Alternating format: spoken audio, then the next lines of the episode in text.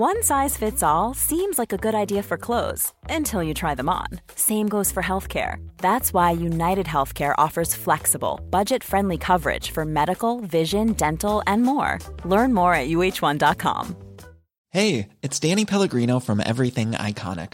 Ready to upgrade your style game without blowing your budget? Check out Quince. They've got all the good stuff shirts and polos, activewear, and fine leather goods, all at 50 to 80% less than other high end brands. And the best part? They're all about safe, ethical, and responsible manufacturing. Get that luxury vibe without the luxury price tag. Hit up quince.com slash upgrade for free shipping and 365 day returns on your next order. That's quince.com slash upgrade. Hold up. What was that? Boring. No flavor. That was as bad as those leftovers you ate all week. Kiki Palmer here, and it's time to say hello to something fresh and guilt-free. Hello Fresh. Jazz up dinner with pecan-crusted chicken or garlic butter shrimp scampi. Now that's music to my mouth. Hello Fresh. Let's get this dinner party started. Discover all the delicious possibilities at hellofresh.com.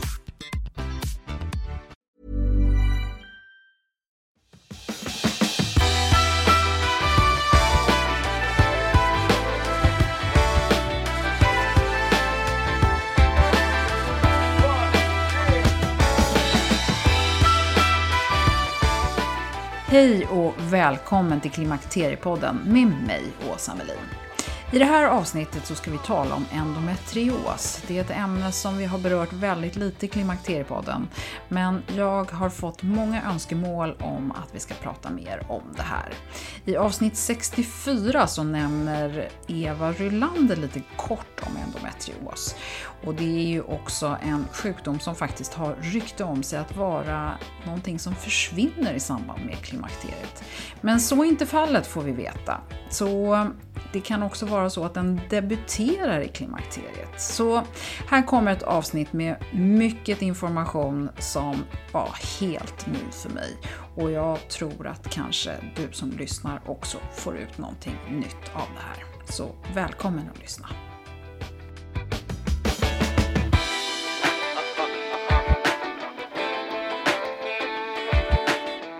Anna-Sofia Melin, välkommen till Klimakteriepodden. Tack så mycket. Spännande för mig att få träffa dig. Och vi är inte släkt, även, om vi, har, även om vi har samma efternamn. Ja. Det är första gången jag träffar dig. Ja. Du är gynekolog och endometriosspecialist. Och här jobbar du kliniskt med patienter. Ja. Men du är ju en stor eh, kunskapsbärare i Sverige av just endometrios. Och du gör andra saker också i, i samma fack. Du kan väl berätta lite mer själv? Ja, dels är jag ordförande i vår eh, kan man säga, nationella specialistgrupp för endometrios. Eh, ja, jag driver mitt Instagramkonto också, endometriosdoktorn, där jag tar emot frågor och eh, försöker jobba för att sprida kunskap kring endometrios. Det är det som driver mig. Mm. Ja, och du har mer än 4000 följare. Mm. Och det var så jag hittade dig mm. faktiskt från, från början. Jag trodde kanske inte att det skulle bli det gensvar som det faktiskt blev. Men det visar ju också att eh, behovet av kunskap är stort. Ja. Vad jag har läst på nu är att ungefär 10% av alla kvinnor har endometrios. Det betyder att vi har mer än 200 000 mm. kvinnor bara i Sverige. Och så läser man en skräcksiffra på 5 till 7 år att få en diagnos. Ja. Eh, och att det inte finns så mycket forskning och de studier som man skulle önska de finns inte och det finns inte pengar till och så vidare. Vi har lätt berört det här ämnet i avsnitt 64 när Eva Rulander var med. Men jag tänker att vi ska reda ut det här lite mer nu, hur man påverkas just i klimakteriet. Mm. För endometrios är ju en sån här sak som man tänker att ja, ja, men det man diagnostiserad med när man är ung och har man inte haft det då, då får man det inte sen. Men det är helt fel har jag förstått. Vad är endometrios? Vi kan mm. väl börja där. Endometrios är ju för det första en kronisk sjukdom. Vi har idag inget eh, botemedel. Eh, det är en inflammatorisk sjukdom som betyder att i skov så förvärras symptomen. Eh, smärta, ledvärk, muskelvärk, trötthet. Men det som händer i kroppen det är att eh, celler som liknar de celler som finns i livmodern, i livmoderslemhinnan, finns utanför livmodern, på bukhinnan, äggstockar, tarm, urinblåsa. Och när kvinnan då har mens och blöder, då blöder det i de här cellerna, i de här härdarna inne i buken. Och det ger ett kraftigt inflammatoriskt svar i kroppen. Kroppen försöker bekämpa det här. Eh, men det går inte så bra, det ger mycket smärta, det ger ärrbildning och så. Och i början så är det ju svår mensvärk som är symptomet. Men ju längre tiden går så kan man få kronisk smärta, att man har ont alla dagar i månaden och då kan det vara väldigt svårt att ställa diagnosen och koppla det här just till att det är en gynekologisk sjukdom och att det har med eh, mens och östrogen att göra. Det är en östrogenberoende sjukdom så man måste ha östrogen i kroppen för att få det här. Eh, och det är ju då bilden att man, man har tänkt sig då att endometrios försvinner i och med klimakteriet då kvinnans naturliga östrogennivåer sjunker. Men det är nog inte riktigt så enkelt. Bara, vi kan bara fortsätta med den här svåra diagnostiseringen. Mm. Var, varför är det så svårt att veta om man har det här eller inte? Vi har ju inget blodprov vi kan ta. Eh, man kan göra en ultraljudsundersökning och se endometrioshärdar men framförallt måste man göra en titthålsoperation och titta in i magen för att hitta det här.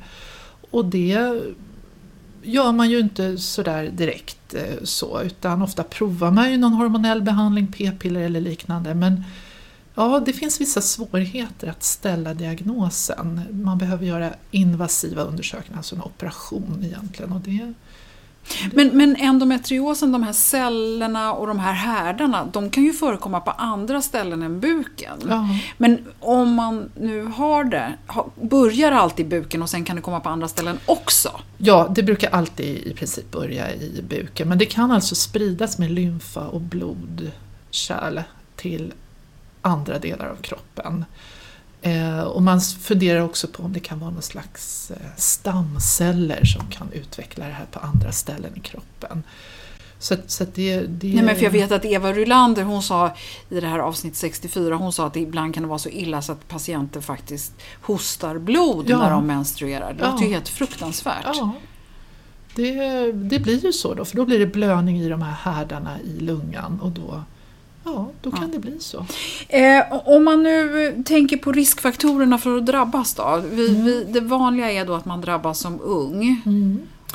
Att ha, få mens tidigt, att ha täta menstruationer, att blöda rikligt är riskfaktorer.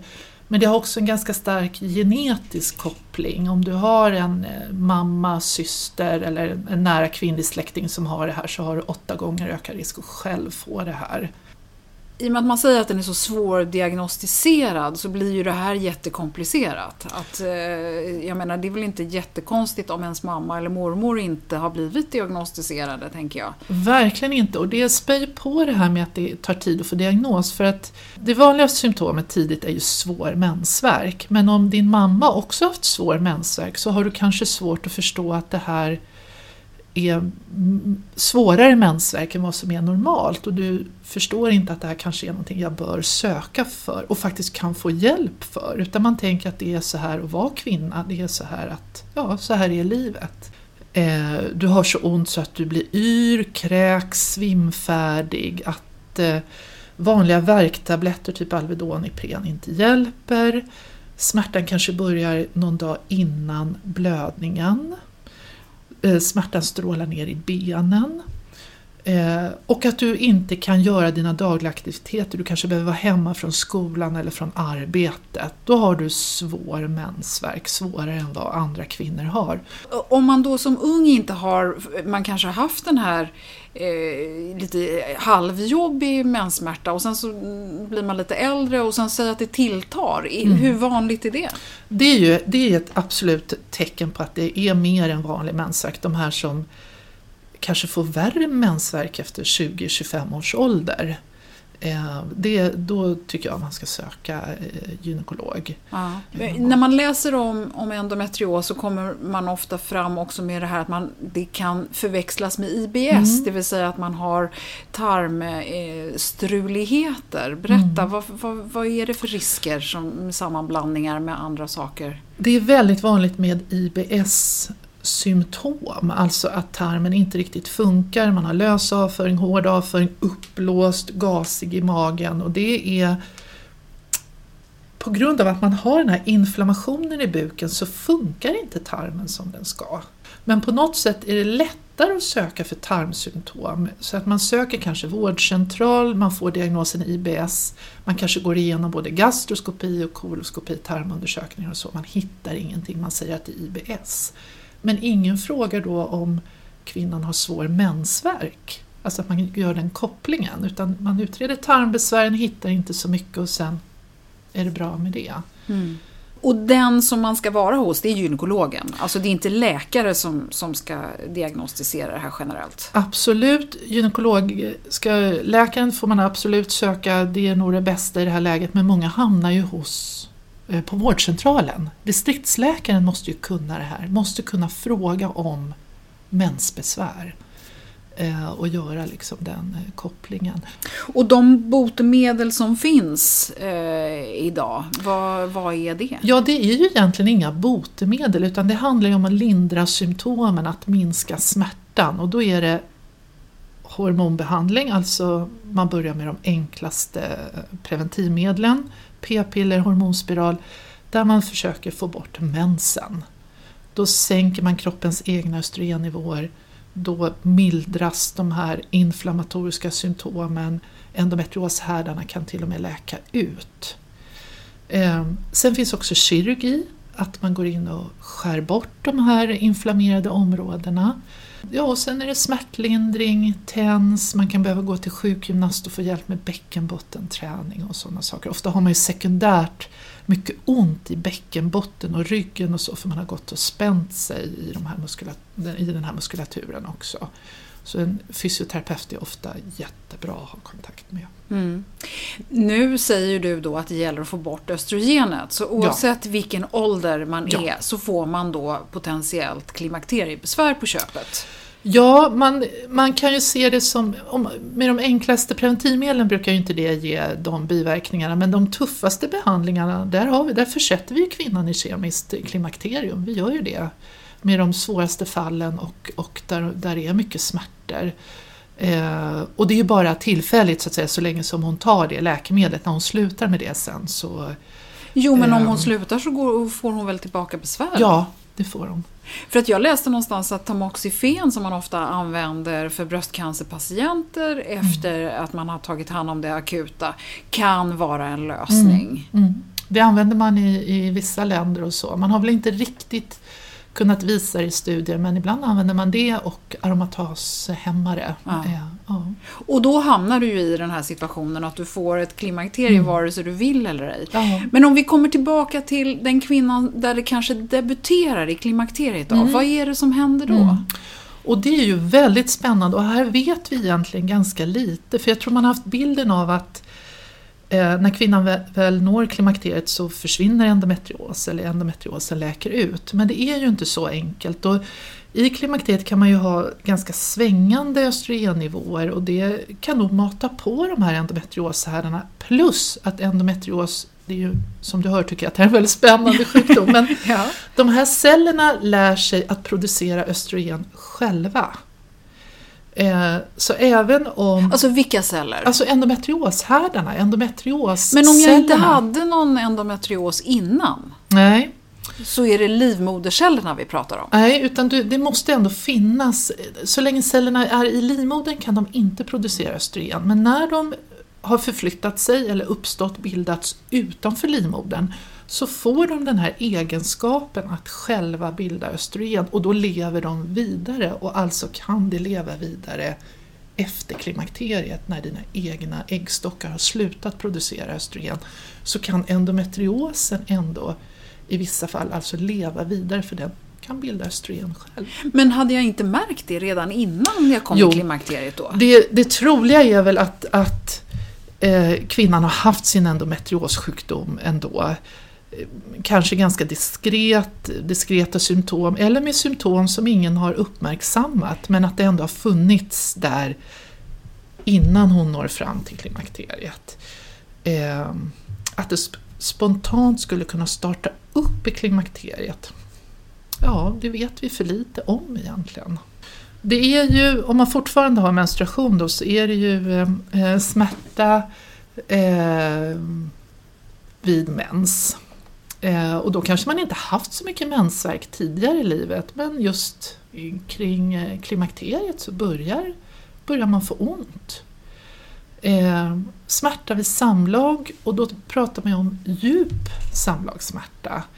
Inte den här mera ytliga som kan bero på torra slemhinnor eller svampinfektion eller ja, vestibulit eller andra saker utan det här är en djupare samlagssmärta, djupare in i slidan. Många kvinnor tror att samlagssmärta är normalt men det är det verkligen inte och kanske har hört förklaringen att ja, men det är om man kommer åt livmodertappen så gör det ont. Ja men så, så är det inte egentligen, det ska inte göra ont att ha samlag. Och sen kan inte det... ens när det är riktigt djupt alltså? Nej. Nej. Utan då är det för jag tänker förr eller senare stöter man väl på någonting, någonting som kanske gör ont. Nej, men det är ganska mjukt, det är tarm och så. Alltså, men, men du kan ju ha en tarmsjukdom, då kan det göra ont att ha samlag. Och du kan också ha urinvägsbesvär, alltså en inflammation i urinblåsa, urinrör, det kan göra ont. Och så kan det vara endometrios. Men sen kan det vara ganska diffusa magsmärtor, kronisk mag, buksmärta. Eh, och det är ju svårt då, eh, det är svårt att ställa den diagnosen då när man är kanske i 50-årsåldern. Men och nu pratar ju du ändå om den kvinnan som fortfarande har någon form av mens, ja. även om den har hunnit börja bli oregelbunden och kanske inte så, mm. så frekvent. Mm. Vad händer sen då, om det har debuterat under mm. de här förklimakterieåren, mm. vad händer sen när man väl slutar blöda? Ja, ja då är det, det är smärta, smärta i buken. Dels så kan det bli ärrvävnad och fibros runt de här härdarna. Eh, och det kan dra till sig tarm och urinledare och bukhinna och ge smärta. Om själva endometrioshärdarna lever vidare med sin östrogenproduktion, ja då är det ju smärta. Då blir det ju små blödningar i de här härdarna det blir en inflammation och det gör ont. Av de som har en känd endometriossjukdom så kanske det är uppåt 2, 3, kanske 5 procent som har en aktiv sjukdom även efter klimakteriet. De flesta blir ju besvärsfria när de passerar klimakteriet men ja, upp till 5 procent. Och det har inte att göra med om man har medicinerat Nej. innan eller inte att Nej. göra? Nej. Och vad händer då om man tillför östrogen? Ja, då eldar man ju på det här. Ja om man tillför bara östrogen, om man tillför kombinationen östrogen gestagen, gulkroppshormon. Vilket ju är en förutsättning ja. eh, om man har sin livmoder, livmoder kvar. kvar. Ja. Då kan man ändå hålla det här i schack för att gestagenet dämpar ju aktiviteten i endometrioshärdarna. Så att det är ju de som får enbart östrogen och det händer ju faktiskt, till exempel om man har opererat bort sin livmoder så finns det ju de som faktiskt får enbart östrogen för klimakteriebesvären och då kan det här eldas på. Sen kan man ju vara lite överviktig och bilda östrogenliknande ämnen i sin fettväv och då eldar man ju på det här också. Om en kvinna har känd endometrios, har opererat bort sin livmoder och behöver östrogensubstitution i klimakteriet så ska man ju alltid lägga till gestagen. Det, det, har man den minsta misstanke om endometrios så ska alltid... Men vart tar det gestagenet vägen då? För målorganet är ju livmoderslemhinnan. Ja, men det angriper de här då endometrios okay. härdarna också. Ja. Det påverkar ju hela kroppen. Ja, okay. Och då låter det som att det inte räcker med en hormonspiral. Hormonspiralen är väldigt bra behandling för endometrios eh, är visat i studier. Så eh, trots att man kanske hävdar att så mycket inte går ut i resten av kroppen så har det nog en större effekt på kroppen än vad vi egentligen tror. För den har effekt vid endometrios faktiskt.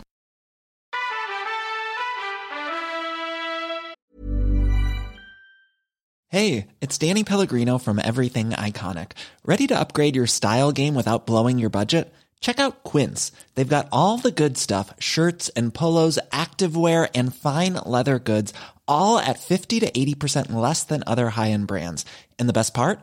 They're all about safe, ethical and responsible manufacturing.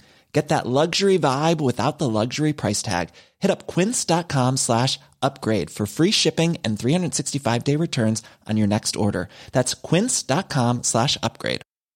Hey, it's Ryan Reynolds, and I'm here with Keith, co star of my upcoming film, If, only in theaters, May 17th. Do you want to tell people the big news? All right, I'll do it. Sign up now and you'll get unlimited for $15 a month in six months of Paramount Plus Essential Plan on us. Mintmobile.com slash switch. Upfront payment of $45 equivalent to $15 per month. Unlimited over 40 gigabytes per month. Face lower speeds. Videos at 480p. Active Mint customers by 531.24 get six months of Paramount Plus Essential Plan. Auto renews after six months. Offer ends May 31st, 2024. Separate Paramount Plus registration required. Terms and conditions apply if rated PG. A lot can happen in three years, like a chatbot may be your new best friend. But what won't change? Needing health insurance. United Healthcare Tri Term Medical Plans, underwritten by Golden Rule Insurance Company, offer flexible, budget friendly coverage that lasts nearly three years in some states. Learn more at uh1.com. Det är härligt att klimakteriets tabu äntligen är på väg bort. Vill man försöka klara sig utan hormonbehandling så finns nu många nya kosttillskott som lovar bland annat hormonell balans och som ska stötta brister. Jag vill lyfta min räddare i nöden, Femarel.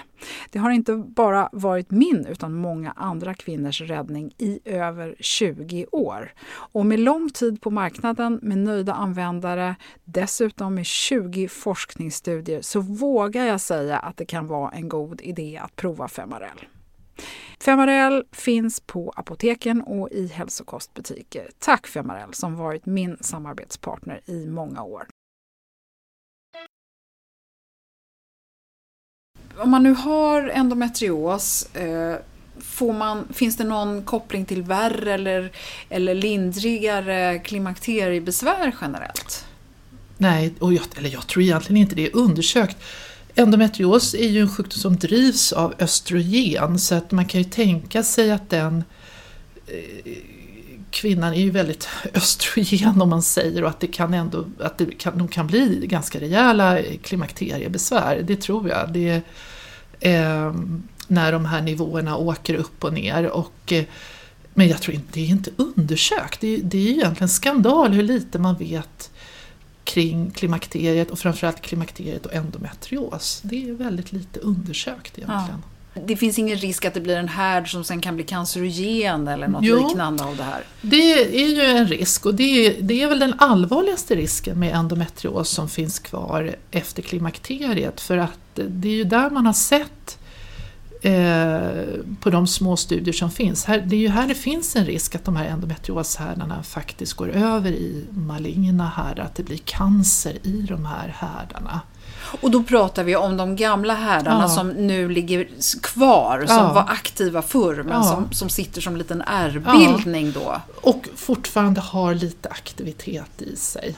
Men lite aktivitet har de då antingen av det lilla östrogen vi själva producerar eller risken blir kanske större då om man tillför östrogen. Ja, risken blir större om man tillför östrogen och det är därför man alltid, om man tillför östrogen för klimakteriebesvär, måste ha ett gulkroppshormon också, måste ha ett gestagentillägg.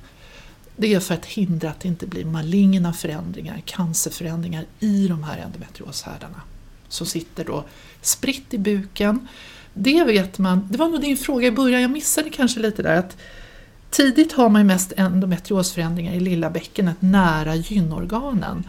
Men ju äldre kvinnan blir, det vet man faktiskt, så flyttar det sig, det kan sätta sig på tarmen och kring urinledare. Så för en kvinna eh, i klimakteriet eller efter klimakteriet så är det alltså vanligare att man har endometrios mera spritt upp i buken.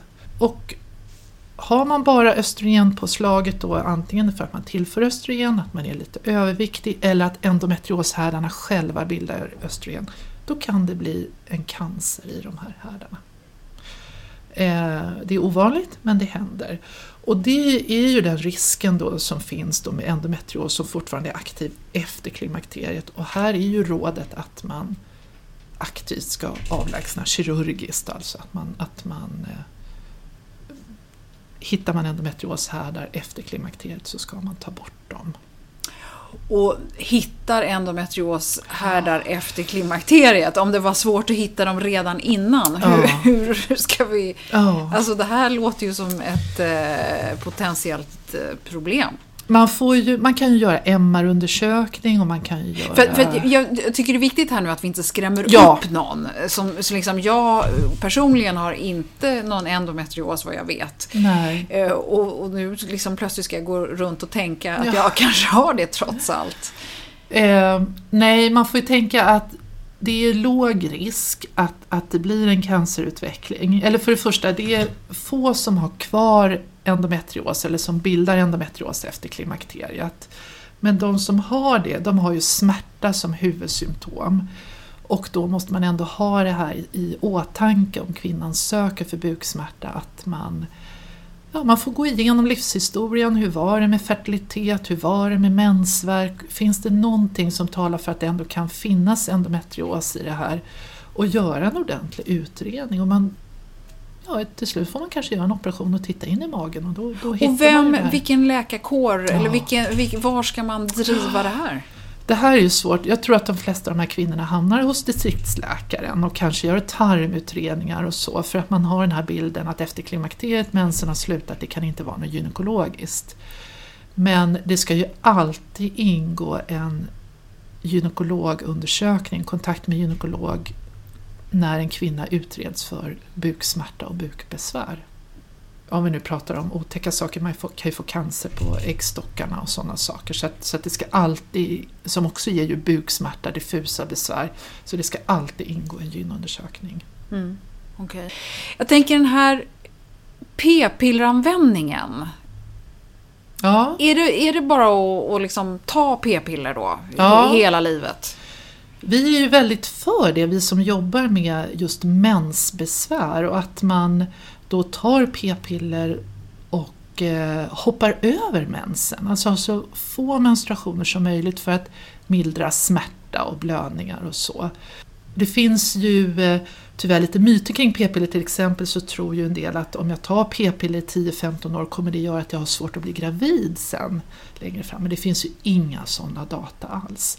Sen är det viktigt att tänka på hur kvinnor lever idag. Vi har ju många mer menstruationer under vår livstid än vad kvinnor har haft i människosläktet någonsin. Vi får mens tidigare, vi föder vårt första barn senare.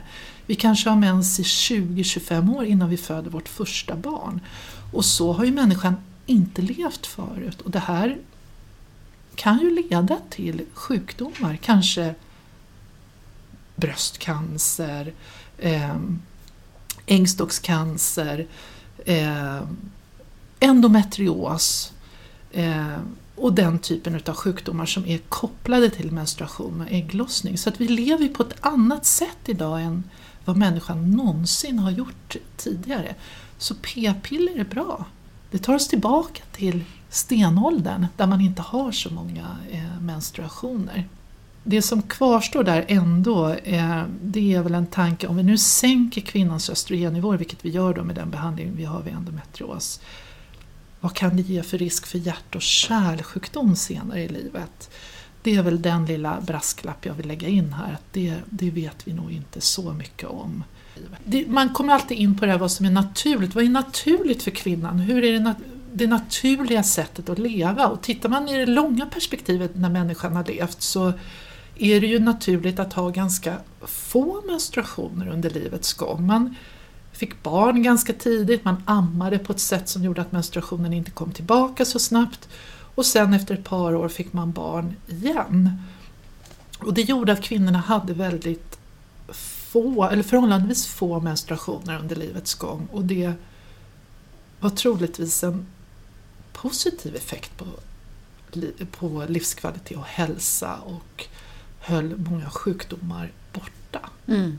Och då är, då är ju det att förespråka är ju den typen av p-piller som inte har sju dagars sockerpiller som framkallar en blödning varje månad utan du har en kontinuerlig på, eh, på, driver på kontinuerligt med hormoner som håller blödningen borta. Ja, Eh, Du pratar ju här om, om att det är en inflammatorisk sjukdom och det här med inflammation är ju väldigt populärt att prata om idag. och där har vi ju återigen väldigt lite att luta oss mot när det gäller studier och, och vetenskap. Men man efterfrågar ju inflammat- antiinflammatorisk kost, kan det hjälpa?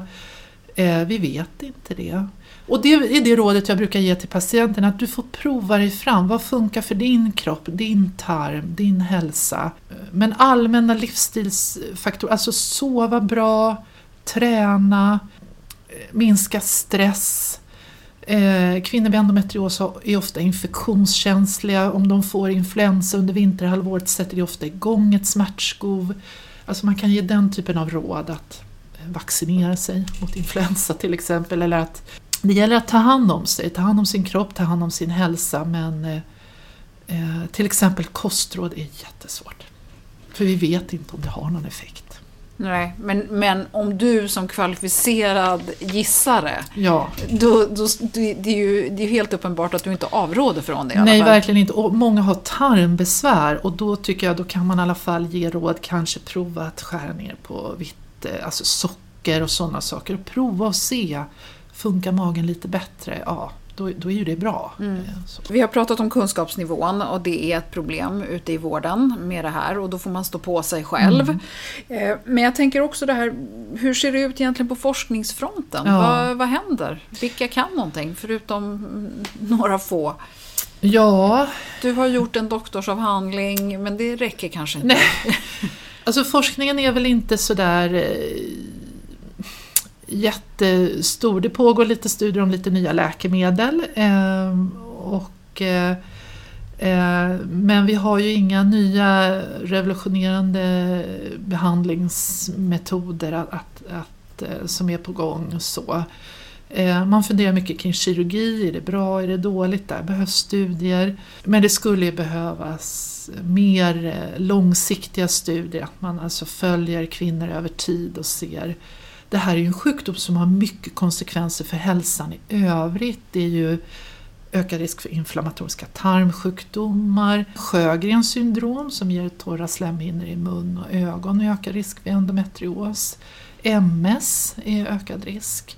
Eh, reumatiska sjukdomar. Alltså när du säger ökad risk, att det ska blossa ut? Ja, att man har båda de här sjukdomarna. Ja, eller att de är, går hand i hand. Att de, ja, ja att om det är genetiskt, att de delar samma genetiska eh, ursprung eller ja, det vet man inte. Men att, att det ökar, har man den ena sjukdomen har man ökad risk för den andra. Ja. Depression och ångest är vanligare men det är kopplat till smärtnivå och den stress det medför till exempel i arbetsliv och sådana saker. Eller med, man kan ha svårt att hitta en partner.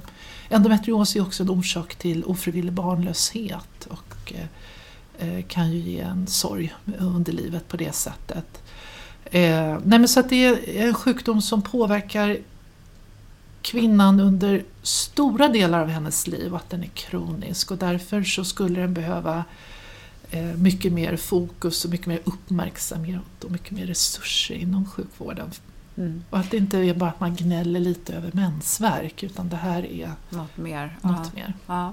Eh, avslutningsvis så, så, är jag nyfiken på det här med, eh, man pratar ju mycket nu när det gäller klimakteriebesvär så pratar man ju mycket om naturliga mm. hormoner mm. versus de kemiska. Mm. Både när det gäller östrogen men framförallt när det gäller progesteron, mm. gestagenerna. Mm. Eh, en av lösningarna är ju här uppenbarligen att ge gestagener som är ganska då potenta redan på tidigt stadium i, i Eh, en kvinnas liv. Mm.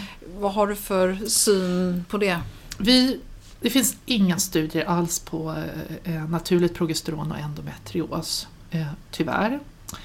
Eh, jag har ju patienter som, som skickar efter på nätet och beställer och så och det är ju inte farligt att använda och prova men vi vet inte vilken dos som behövs. Och sen när det gäller det här att skydda mot malignitet, alltså att skydda mot cancerutveckling i de här eh, härdarna, då vet vi ju inte om naturligt progesteron räcker och i vilken dos i så fall.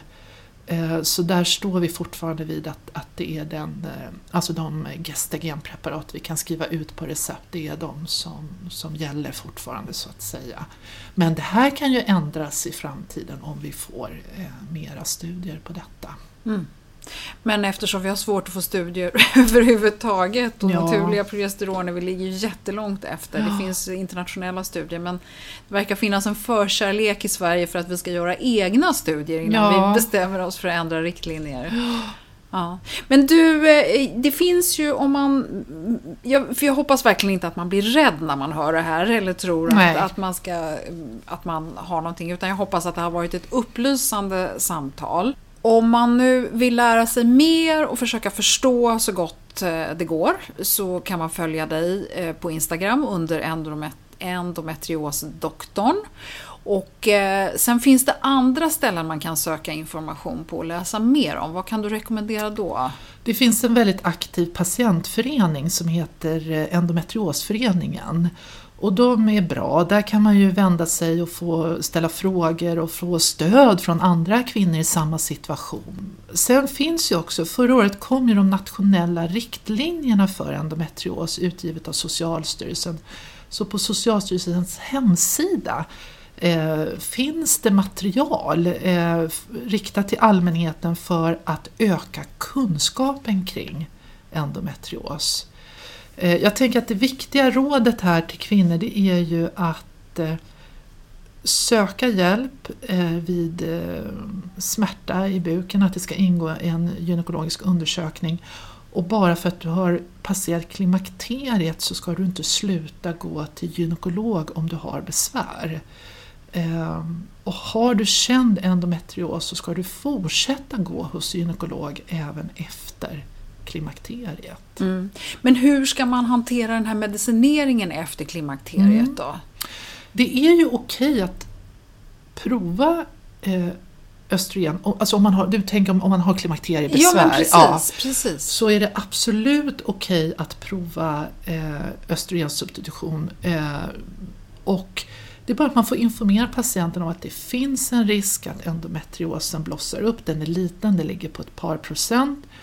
Om du börjar ta det här läkemedlet och får tillbaka din endometriossmärta då får vi tänka om. Då får du sluta med läkemedlet och så får vi tänka om och kanske prova någon annan metod eller något annat, något annat lägre nivå på östrogensubstitutionen eller så. Men det, man, får absolut, man ska absolut få hjälp om man har svåra mm. klimakteriebesvär.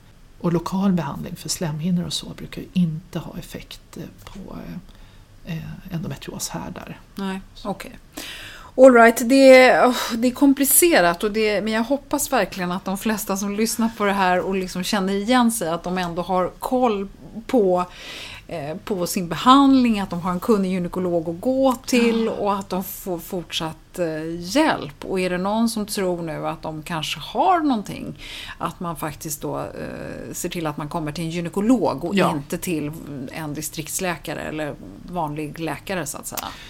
Slutligen har vi, slutligen, slutligen har vi missat någonting som du vill passa på att förmedla. Jag tänker bara att man man måste ta mensbesvär på allvar och gynekologiska besvär på allvar för att det kan leda till sjukdom och leda till stora konsekvenser i livet om man inte får vård i tid. Mm. Det får vara ett klokt eh, slutord och jag tänker också att man kanske har en tonåring hemma som man känner igen det här hos och då ska man, även om man själv inte haft det, så kanske man ändå ska fundera på, inte bara avfärda menssmärta och inte bara nöja sig med p-piller och sen inte utreda vidare. Mm. Nej. Vad bra! Tusen tack Anna-Sofia för att du var med i Klimakteriepodden idag. Stort tack! Tack så jättemycket!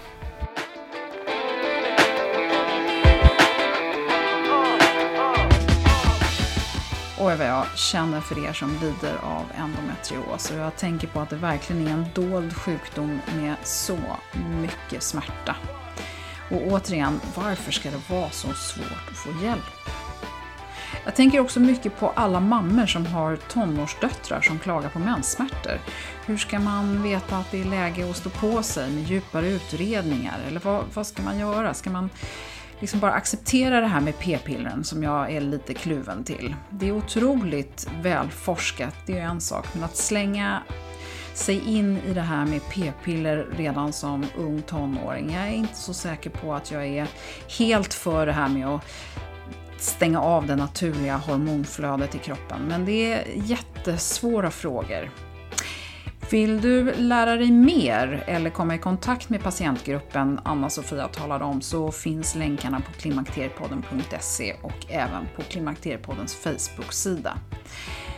I nästa avsnitt så ska du få höra allt om Facebookgruppen Klimakteriekärringar. Och då har jag med mig Annika Movitz som själv berättar ingående om sina egna utmaningar. Så missa inte det. Och under tiden så finns det många spännande avsnitt att lyssna på av Klimakteriepodden. Så bläddra gärna igenom de olika avsnitten. Du hittade både på Facebook och kanske ännu lättare översiktligare på klimakteriepodden.se www.åsa.se.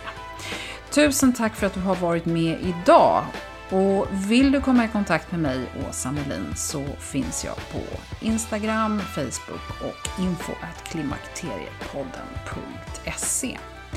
Stort tack för att du har lyssnat och välkommen snart.